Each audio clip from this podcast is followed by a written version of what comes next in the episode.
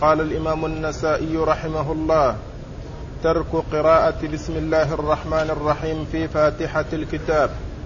وقال أخبرنا قتيبة عن مالك عن العلاء بن عبد الرحمن أنه سمع أبا السائب مولى هشام بن زهرة يقول سمعت أبا هريرة رضي الله عنه يقول قال رسول الله صلى الله عليه وسلم من صلى صلاة لم يقرأ فيها بأم القرآن فهي خداج هي خداج هي خداج غير تمام. فقلت يا أبا هريرة إني أحيانا أكون وراء الإمام. فغمز ذراعي وقال اقرأ بها يا فارسي في نفسك. فإني سمعت رسول الله صلى الله عليه وسلم يقول يقول الله عز وجل قسمت الصلاة بيني وبين عبدي نصفين. فنصفها لي ونصفها لعبدي ولعبدي ما سأل. قال رسول الله صلى الله عليه وسلم اقرأوا. يقول العبد الحمد لله رب العالمين. يقول الله عز وجل حمدني عبدي. يقول العبد الرحمن الرحيم. يقول الله عز وجل أثنى علي عبدي. يقول العبد مالك يوم الدين. يقول الله عز وجل مجدني عبدي. يقول العبد إياك نعبد وإياك نستعين. فهذه الآية بيني وبين عبدي ولعبدي ما سأل. يقول العبد اهدنا الصراط المستقيم صراط الذين أنعمت عليهم غير المغضوب عليهم ولا الضالين. فهؤلاء لعبدي ولعبدي ما سأل. بسم الله الرحمن الرحيم. الحمد لله رب العالمين وصلى الله وسلم وبارك على عبده ورسوله نبينا محمد وعلى آله وأصحابه أجمعين. أما ما بعد يقول النسائي رحمه الله ترك قراءة بسم الله الرحمن الرحيم في فاتحة الكتاب.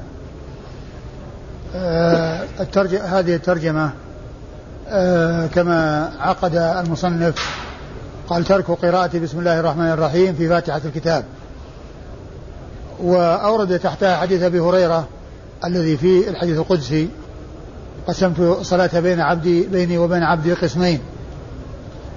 فإذا قال الحمد لله رب العالمين قال حمدني عبدي.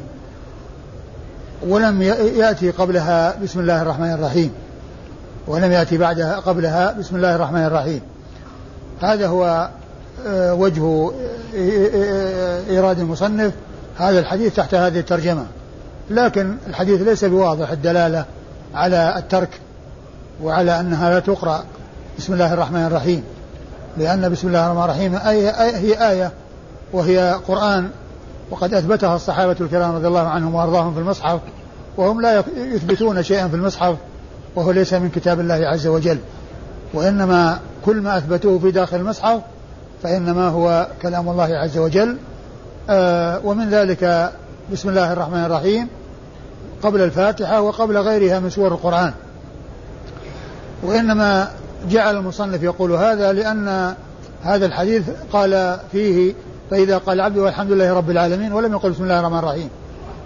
وهذا لا يدل على أن بسم الله الرحمن الرحيم أنها لا تقرأ وأنها ليست من القرآن. وإنما آه، الحديث القدسي يقول الله عز وجل قسمت الصلاة بيني وبين عبدي قسمين. فإذا قال الحمد لله رب العالمين فأتى بالشيء الذي هو اختصت به سورة الفاتحة. وأما بسم الله الرحمن الرحيم فإنها يؤتى بها في أول كل سورة. هي قرآن ويؤتى به في أول كل سورة. لكن ليس متفقا على أن بسم الله الرحمن الرحيم أنها آية من القرآن وفي ذلك خلاف بين أهل العلم. ولهذا لو لم يأتي بها لا يقال أن الصلاة لا تصح وإنما وأنها تبطل. ولكن كون الرسول صلى الله عليه وسلم قرأ بها كما جاء في الحديث الذي مر آه، سورة بسم الله الرحمن الرحيم إن أعطيناك الكوثر جعلها من السورة. فهنا قال قسمت الصلاة بيني وبين عبد القسمين عن القراءة. فذكر الذي هو خاص بسورة الفاتحة ولا يوجد في غيرها. أما بسم الله الرحمن الرحيم فإنها توجد فيها وفي غيرها. توجد فيها وفي غيرها. وكل سورة من سورة القرآن فأولها بسم الله الرحمن الرحيم إلا سورة براءة. إلا سورة براءة فإنها خالية من آه كونه يأتي بين يديها بسم الله الرحمن الرحيم.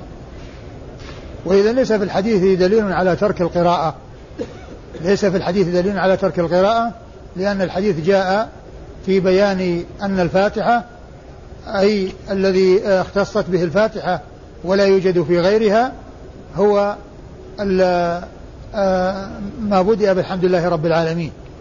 وأما بسم الله الرحمن الرحيم فليس خاصا بالفاتحة بل فيها وفي غيرها بل هو فيها وفي غيرها. والصحابة رضي الله عنهم وأرضاهم ما كانوا ليدخلوا في المصحف شيئا ليس من القرآن. حاشاهم من أن يحصل منهم ذلك رضي الله عنهم وأرضاهم. بل كل ما في القرآن بل كل ما في المصحف هو من القرآن. ولهذا سورة إن أعطيناك الكوثر لما استيقظ لما قام من إغفاءته قال أنزلت علي سورة بسم الله الرحمن الرحيم إن أعطيناك الكوثر إلى آخرها وأتى بأولها بسم الله الرحمن الرحيم. سورة بسم الله الرحمن الرحيم إن أعطيناك الكوثر. فكذلك بسم الله الرحمن الرحيم هي من الفاتحة. ولكن الشيء الذي جاء في الحديث القدسي ونص عليه الرسول صلى الله عليه وسلم هو الذي اختصت به الفاتحة. اختصت به الفاتحة. و وال وال والحديث يدل والحديث يدل على عظم شأن الفاتحة وعلى قراءتها في الصلاة وأن الصلاة وأن وأن وأن الصلاة آه، وأن وأن قراءتها وصفت بأنها الصلاة ولهذا قسمت الصلاة بيني يعني القراءة ودل على أن الصلاة لا بد فيها من هذه القراءة التي هي قراءة الفاتحة كما أن فيها قراءة شيء آخر غير الفاتحة. وهو السورة. لكن المتعين واللازم هو سورة الفاتحة ولهذا جاء فيها أحاديث تخصها. جاء فيها أحاديث تخصها وهي التي ستأتي. لا صلاة لمن لم يقرأ فاتحة الكتاب. وهنا وصفت القراءة وصفت قراءة الفاتحة بأنها الصلاة. وذلك لعظم شأنها وتعين هذه القراءة فيها وأن الصلاة لا بد فيها من هذه القراءة التي هي قراءة الفاتحة. التي هي قراءة الفاتحة. أه تبدأ من أوله. عن السائب بن يزيد السائب أبي السائب. نعم. أيوه. قال أخبرنا قتيبة عن مالك عن العلاء بن ابن عبد الرحمن أنه سمع أبا السائب مولى هشام بن زهر هشام بن زهرة يقول سمعت أبا هريرة يقول قال رسول الله صلى الله عليه وسلم من صلى صلاة لم يقرأ فيها بأم القرآن فهي خداج. هي خداج هي خداج. غير تمام. هذه يعني هذه الجملة كررها رسول الله صلى الله عليه وسلم ثلاث مرات. من صلى صلاة لا يقرأ فيها بفاتحة الكتاب فهي خداج فهي خداج فهي خداج. وتفسيرها غير تمام يعني أنها ناقصة. ولما قال ذلك أبو هريرة وحدث به أبو هريرة لهذا الرجل الذي هو أبو السائب قال إنني أحيانا أكون وراء الإمام. قال فغمز في ذراعي وقال اقرأ بها في نفسك يا فارسي اقرأ بها في نفسك ثم تلا عليه آه الحديث القدسي الذي سمعه من رسول الله عليه الصلاة والسلام والذي يدل على أن الإنسان في قراءته للفاتحة يكون مثنيا على الله ومعظما له وممجدا له وسائلا لحاجته ومطلوبه وأن القراءة هي قراءة هذه الفاتحة آه هي قسمان قسم لله عز وجل وقسم للعبد. قسم لله يعني ثناء عليه وتعظيم له وقسم للعبد هو طلب ورجاء من الله عز وجل. والله عبد عز وجل يعطي عبده ما سأل. والله تعالى يعطي عبده ما سأل. قال فإني سمعت فإن النبي صلى الله عليه وسلم قال آه يقول الله عز وجل قسمت الصلاة بيني أي القراءة قراءة الفاتحة.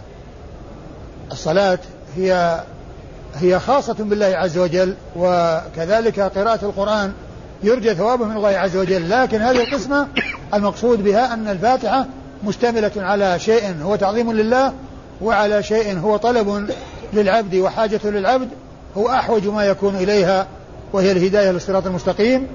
ويسأل آه، هذا الأمر العظيم الذي هو أحوج ما يكون إليه والله تعالى يعطيه سؤله. ولهذا قال ولعبدي ما سأل. فإذا هذا يدل على أهميتها وعظم شأنها وأنه لا يفرط فيها ولا تترك في أي ركعة من ركعات الصلاة لأنها آه، مشتركة أو أن لأن هذا لأن هذه القراءة أو هذه السورة ما جاء فيها مشترك بين العبد وبين ربه ثناء على الله عز وجل وتعظيم له في أولها وطلب من العبد شيئا من الله عز وجل هو أعظم ما يكون إليه حاجة.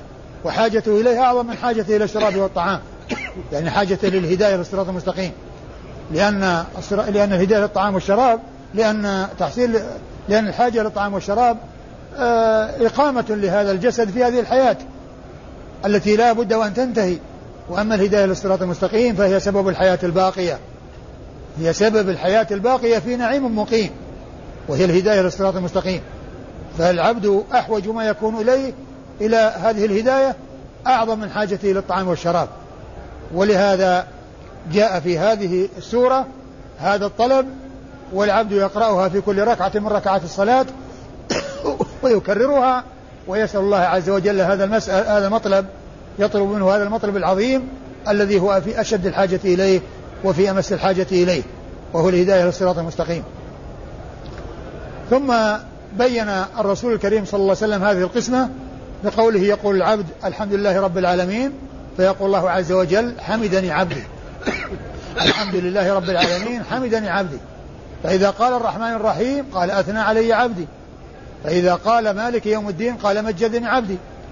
فإذا قال إياك نعبد وإياك نستعين قال هذه بيني وبين, عبدي. يعني أولها لله عز وجل وآخرها للعبد. إياك نعبد هي حق لله وإياك نستعين هي للعبد. يعني يطلب الإعانة. يعني معناه أنه يسأل الإعانة من الله عز وجل ولا يحصل شيئا ولا يدرك أمرا من الأمور التي يريدها ويقصدها إلا بمعونة الله عز وجل.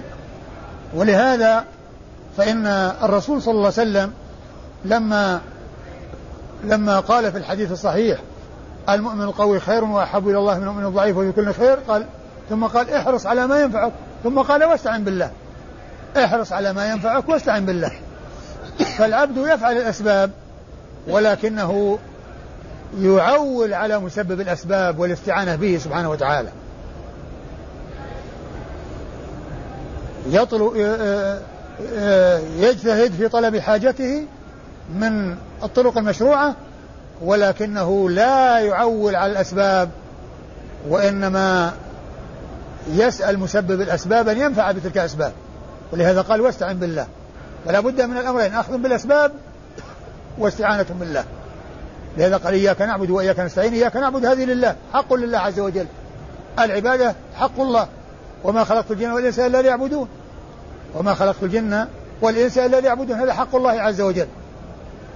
وإياك نستعين يعني نطلب منك العون وأنت المستعان التي آه، تطلب منك الحوائج ويطلب منك المطلوب. قال هذه بيني وبين عبدي ولعبدي ما سأل. هذه بيني وبين عبدي. يعني ال ال آه، إياك نعبد لله وإياك نستعين هذه للعبد. فهي مقسومة بين الله وبين عبده. هذه الآية. نصفها الأول أولها لله وهو تابع لما تقدم. والنصف الثاني الذي هو إياك نستعين هذا للعبد وهو تابع لما وراءه لأنه ما وراءه مطلوب مطلوب العبد من ربه. ثم قال اهدنا الصراط المستقيم.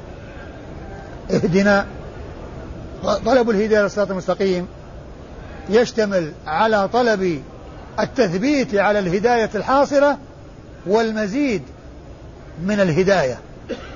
يعني يطلب التثبيت على ما هو موجود وطلب تحصيل آه هداية آه, آه، زائدة على ما هو موجود.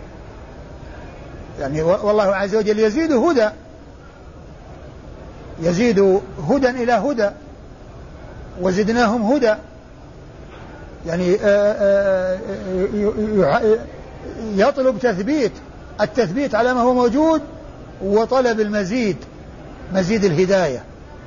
ولا يقال إن إنه قد اهتدى فكيف يطلب الهداية؟ أنه هو مهتدي وهو من المهتدين فكيف يطلب الهداية؟ بل هو أحوج ما يكون إلى الثبات على هذه الهداية. لأن الهداية إذا ما حصل التوفيق لثباتها تزول. وكذلك أيضا هو بحاجة إلى المزيد. بحاجة إلى المزيد من الهداية. الذي يزيده آه، سموا ويزيده علوا ويزيده رفعة عند الله عز وجل.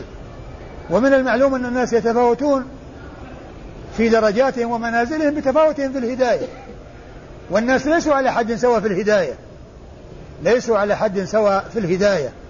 فهم متفاوتون فيها. ولهذا فالعبد عندما يسأل الله عز وجل الهداية يسأله التثبيت على ما هو موجود والمزيد في ذلك. والمزيد من الهداية. والمزيد من الهداية اهدنا الصراط المستقيم. ثم بين أن هذا الصراط صراط المنعم عليهم من النبيين والصديقين والشهداء والصالحين. اهدنا الصراط المستقيم صراط الذين أنعمت عليهم.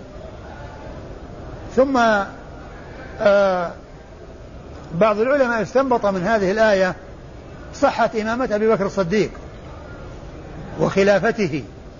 وذلك أن الله عز وجل في هذه السورة قال اهدنا الصراط المستقيم صراط الذين أنعمت عليهم غير المغضوب عليهم ولا الضالين.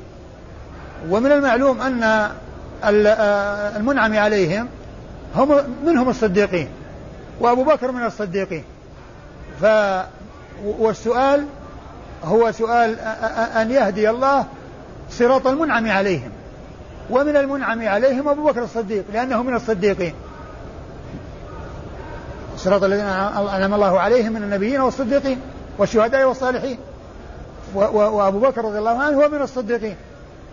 فإذا آه، يدل على أن إمامته إمامة حق وأنها وأنه إمام هدى وأنه من الصديقين الذين نسأل الله عز وجل أن يسلك يسلك بنا طريقهم. نسأله في كل ركعة من ركعات صلاتنا أن يسلك بنا طريق هؤلاء الذين ثبتوا على الصراط المستقيم ومنهم الصديقون وفيهم أبو بكر الصديق. رضي الله تعالى عنه وأرضاه. وهذا ذكره شيخنا الشيخ محمد الأمين الشنقيطي رحمة الله عليه في أضواء البيان عند تفسير آه، عند ذكر آه، عند سورة الفاتحة. وقال إن هذه الآية دالة على صحة ولاية أبي بكر الصديق وصحة خلافته لأن المسلمين يسألون الله عز وجل أن يهديهم الصراط المستقيم الذي هو صراط المنعم عليهم من النبيين والصديقين والشهداء والصالحين وفيهم أبو بكر. وفيهم أبو بكر الصديق رضي الله عنه وأرضاه. صراط الذين أنعمت عليهم يعني يسأل الإنسان ربه أن يهديه صراط المنعم عليهم وأن يحفظه من أن يقع فيما وقع فيه من حاد عن الصراط المستقيم وهم المغضوب عليهم والضالون. والمغضوب عليهم هم اليهود والضالون هم النصارى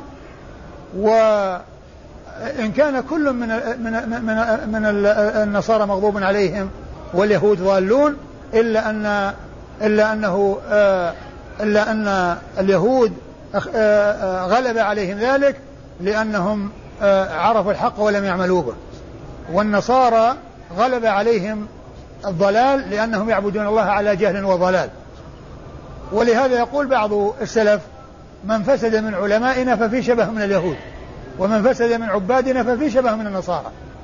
اليهود عرفوا الحق ولم يعملوا به واليهود والنصارى يعبدون الله على جهل وضلال.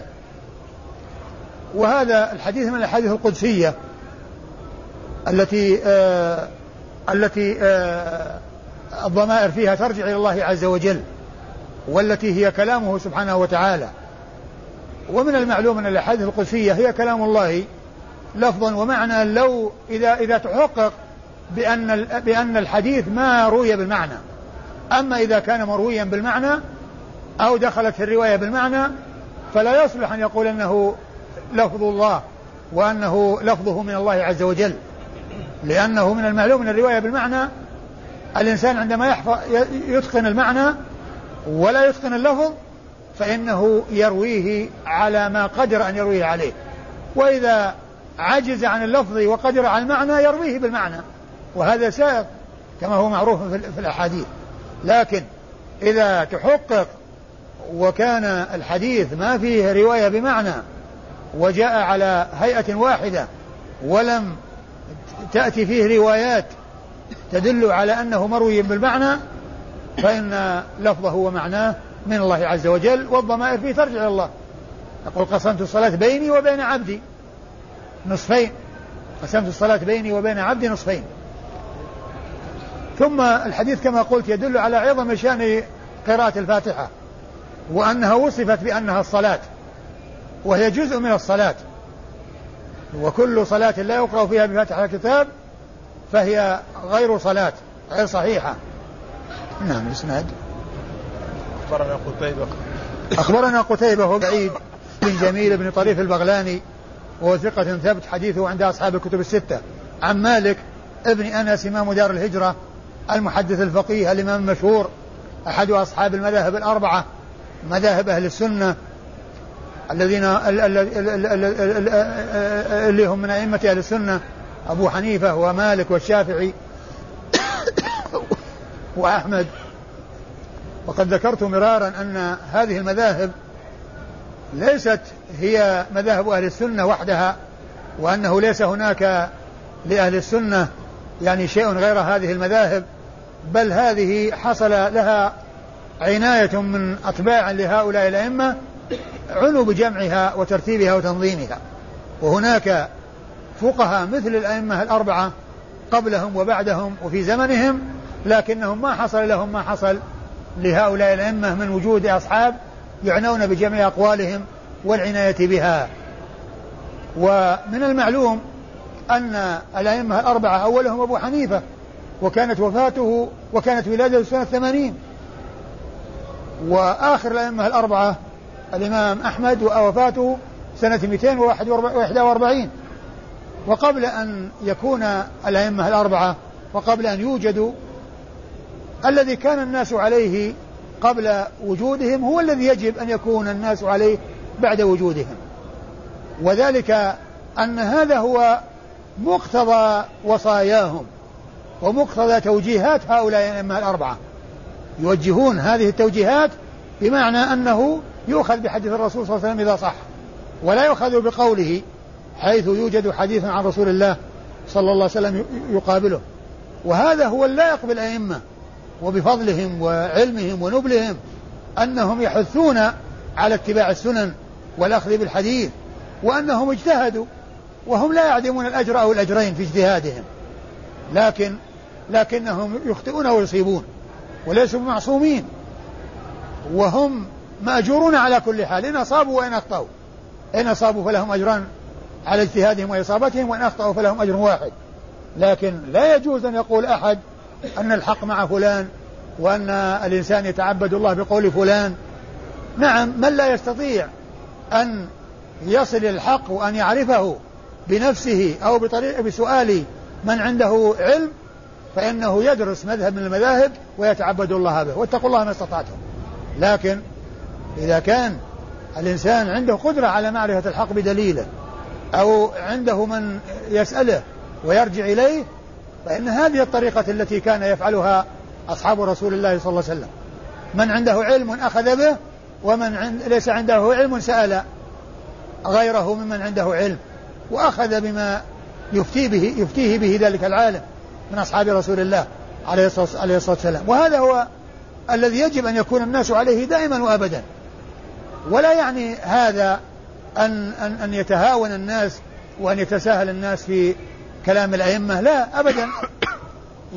الناس طلبة العلم بحاجة إلى كلام العلماء والرجوع إلى فقههم والاستفادة منهم. لكن آه، إذا إذا إذا تبين الدليل فإن هذا هو مقتضى توجيهات الأئمة. و ولهذا يقول ابن القيم رحمة الله عليه في كتاب الروح إن إن إن الإنسان ما يأخذ يرجع إلى كلام أهل العلم ويستفيد من علمهم ويعني يستعين بهم في الوصول إلى الدليل وإلى معرفة الحق. ولكن إذا وصل إلى الدليل ليس بحاجة إلى من يدله. بعدما يصل للدليل ليس بحاجة لأن هذه الغاية المطلوبة وهذه البغية المقصودة. ثم ضرب لذلك مثلا قال فإن الإنسان عندما يكون في الفلاة يهتدي إلى القبلة عن طريق بالنجم. يهتدي إلى القبلة بالنجم. يعني يهتدي إلى جهة القبلة بالنجوم. لكن إذا وصل الإنسان إلى القبلة وصار عند الكعبة تحتها هل يبحث في النجوم يدور القبلة؟ القبلة أمامه ينظر إليها. فكذلك يعني كلام العلماء يرجع الإنسان إلى كلامهم. لكن إذا وجد أن الدليل يعني مع أحدهم أو يعني اهتدى إلى الدليل بواسطتهم أو بواسطة أحدهم أو بعضهم فإنه يأخذ بالدليل لأن هذا هو مقتضى توجيهات الأئمة. كل الأئمة الأربعة أوصوا بهذه الوصايا وأرشدوا إلى هذا العمل الذي يعمله المسلم وهو الأخذ بالدليل. فكذلك العلماء ما دام الإنسان ما اتضح له الحق يستفيد من كلام العلماء ويرجع لهم. لكن إذا وجد الدليل هو هو المطلوب وهو الغاية وهو ما كان يريده الأئمة. والذي يعمل هذا هو الذي أخذ بتوجيهات الأئمة. والذي يستطيع أن يعرف الحق بدليله أو يعرف الحق ولكنه يقول أنا آخذ بكلام فلان لأنه أعلم ولأنه لو كان الحديث موجود لما خفي عليه فهذا من الغلو والذي لا يرضاه الأئمة. الغلو الذي لا يرضاه الأئمة. والذي وجه الأئمة إلى خلافه. ولهذا فإن الناس بالنسبة للأئمة بين إفراط وتفريط. من الناس من يجفو ويقول آه نرجع إلى كلام الرسول صلى الله عليه وسلم. فقط ولا ننظر في كلام العلماء. هذا جفاء. ومن الناس من يقول نلتزم بكلام الأئمة ولا نخرج عنه و يعني لو كان في شيء لم يخفى على الإمام وما يخفى على الإمام يعني من السنة شيء وهذا غلو ومجاوزة للحدود والحق هو تعظيمهم والثناء عليهم وتوقيرهم والأخذ بوصاياهم والاستفادة من علمهم لكن إذا اتضح الدليل فإن هذا هو الغاية المقصودة والبغية المنشودة التي آه، هم طلبوها وأرشدوا إلى طلبها والوصول إليها. والإمام مالك رحمه الله هو أحد هؤلاء الأئمة الأربعة آه، أصحاب المذاهب المشهورة من مذاهب أهل السنة و آه، أحمد تلميذ للشافعي. والشافعي تلميذ لمالك. يعني ثلاثة من الأئمة اللي هم مالك والشافعي وأحمد أحمد تلميذ للشافعي والشافعي تلميذ لمالك. وقد وجاء في بعض الروايات وجودهم في إسناد واحد. في مسند الإمام أحمد حديث يرويه الإمام الشافعي الإمام الأحمد عن الإمام الشافعي والإمام الشافعي يرويه عن الإمام مالك. وهو حديث نسمة المؤمن طائر يعلق في شجر الجنة. وقد أورد هذا الحديث آه، ابن كثير في تفسير قول الله عز وجل ولا تحسبن الذين قتلوا في سبيل الله أمواتا بل أحياء عند ربهم يرزقون في تفسير سورة آل عمران. وذكر هذا الحديث وقال هذا إسناد عزيز فيه ثلاثة من الأئمة الأربعة أصحاب المذاهب المشهورة. فيه ثلاثة من الأئمة أصحاب المذاهب المشهورة يروي بعضهم عن بعض. الإمام أحمد يروي عن الشافعي والشافعي يروي عن مالك. والإمام مالك حديثه عند أصحاب الكتب الستة. يروي عن العلاء بن عبد الرحمن وهو الحرقي المدني والحرقة من جهينة و وهو صدوق ربما وهم خرج له البخاري في جزء القراءة ومسلم وأصحاب السنة الأربعة. يروي عن أبي السائب وأبو السائب هو المدني مولى بني زهرة وهو آه وهو ثقة خرج حديثه مسلم وأصحاب السنن الأربعة. مسلم وأصحاب السنن الأربعة. البخاري في جزء القراءة البخاري أيضا؟ إيه. ها؟ نعم أيضا آه، أيضا أبو السائب؟ مثل أبو العلاء مثل العلاء بن عبد الرحمن؟ نعم. هذا ما رأيته هنا في التقريب لكن هذا ذكره في تهذيب الكمال؟ أي. أي. إذا كان ذكره المزي في تهذيب الكمال فالمعتمد هو ما قاله المزي المزي آه، البخاري في جزء القراءة ومسلم وأصحاب السنة الأربعة. يعني يكون مثل تلميذه مثل تلميذه اللي روى عنه العلاء بن عبد الرحمن الحرقي المدني. نعم. يروي عن أبي هريرة. يروي عن أبي هريرة صاحب رسول الله صلى الله عليه وسلم وأحد السبعة المكثرين من رواية حديثه عليه الصلاة والسلام بل هو أكثر السبعة حديثا على الإطلاق. رضي الله عنه وأرضاه. نعم. قال إيجاب قراءة فاتحة الكتاب في الصلاة. وقال أخبرنا محمد بن منصور عن سفيان عن الزهري عن محمود بن الربيع عن عن عبادة بن الصامت رضي الله عنه عن النبي صلى الله عليه وسلم أنه قال صلاة يقرأ بفاتحة. ثم أورد النسائي هذه ترجمة وإيجاب قراءة الفاتحة في الصلاة. وأورد فيه حديث عبادة بن الصامت لا صلاة لمن لم يقرأ فاتحة الكتاب.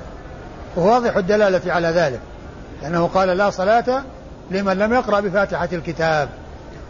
يعني ف يعني لا صحة للصلاة التي لم يقرأ فيها بفاتحة الكتاب. و وهو مطابق للترجمة الترجمة إيجاب القراءة والحديث يدل على أنه أن الصلاة لا تعتبر صلاة حتى يكون قرئ فيها بفاتحة الكتاب. لا صلاة لمن لم يقرأ بفاتحة الكتاب. وأما إسناد الحديث فيقول النسائي أخبرنا محمد بن منصور. وهو الجواز المكي وهو ثقة خرج حديثه النسائي. وقد سبق أن مر بنا أن محمد بن منصور من شيوخ النسائي اثنان محمد بن جواز الطوسي محمد بن منصور الطوسي ومحمد بن منصور آه، آه، آه، اللي هو الجواز المكي. وكل منهما روى عن عن السفيانين. إلا أنه إذا جاء محمد بن منصور يروي عن سفيان فإنه يحمل على أنه المكي لأن ابن عيينة مكي وهذا اللي هو محمد منصور مكي. وإذا كان الأمر مشتبها يعني بين راويين فأكثر فإنه يحمل على من يكون الراوي للراوي عنه خصوصية وملازمة وكونه من أهل بلده. ومما يؤيد ذلك أنه المكي أن محمد منصور هو المكي أن سفيان أن سفيان ابن عيينة هو الذي يروي عن الزهري والحديث عن الزهري. والثوري ليس معروفا في الرواية عن الزهري بل قال الحافظ بن حجر إنه يروي عنه بواسطة وأنه ما روى عنه مباشرة.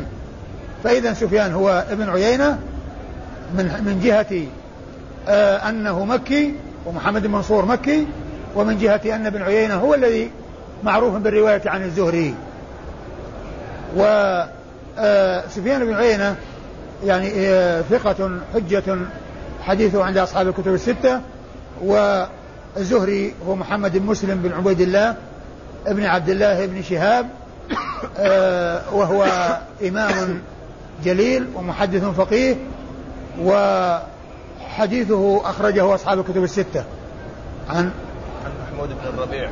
عن محمود بن الربيع وهو من وهو من صغار الصحابة صحابي صغير وأكثر روايته عن الصحابة جل روايته عن الصحابة لأنه آه لأنه آه صغير السن وهو الذي قال عقلت مجة مجها علي رسول الله عليه الصلاة والسلام. يعني معناه أنه صغير.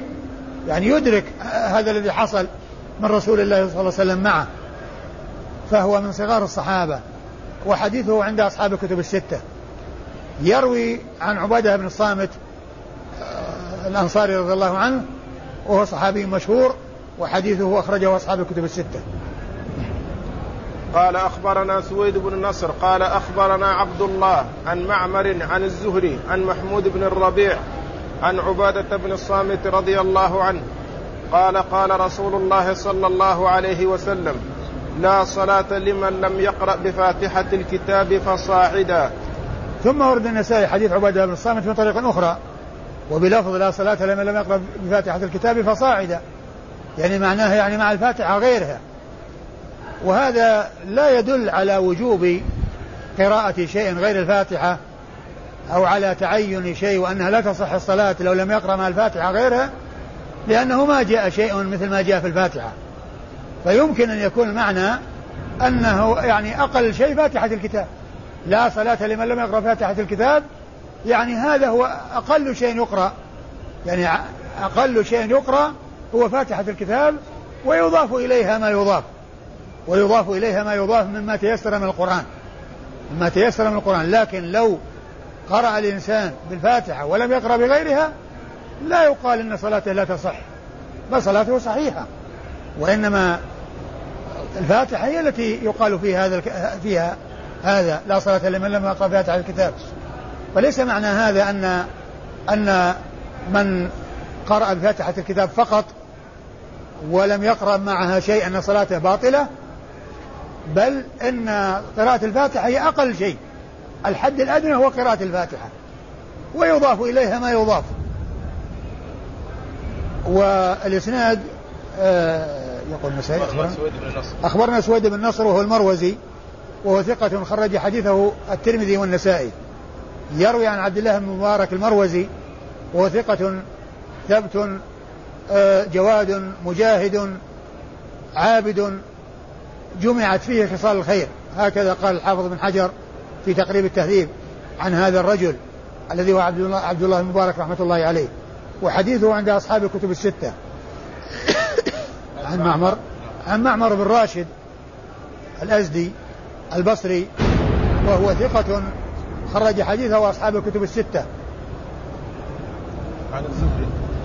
عن عن الزهري عن الزهري عن محمود؟ نعم عن الزهري عن محمود عن عبادة محمود بن ربيعة عن عبادة بن صامت وقد مر ذكرهم في الإسناد الذي قبل هذا.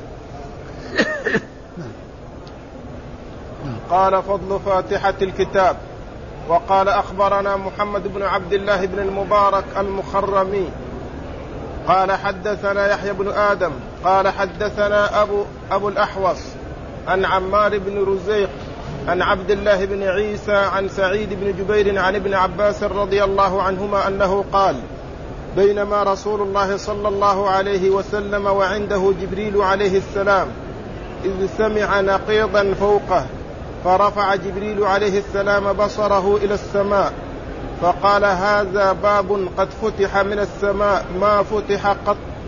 قال فنزل منه ملك فأتى النبي صلى الله عليه وسلم فقال أبشر بنورين أوتيتهما لم يؤتهما نبي قبلك. فاتحة الكتاب وخواتيم سورة البقرة. لم تقرأ حرفا منهما إلا أعطيته. ثم أورد النسائي هذه الترجمه وهي فضل فاتحة الكتاب. وورد فيها حديث عبد الله بن عباس رضي الله تعالى عنهما الذي آه، فيه أن النبي عليه الصلاة والسلام كان عنده جبريل فسمع نقيضا من السماء يعني صوت.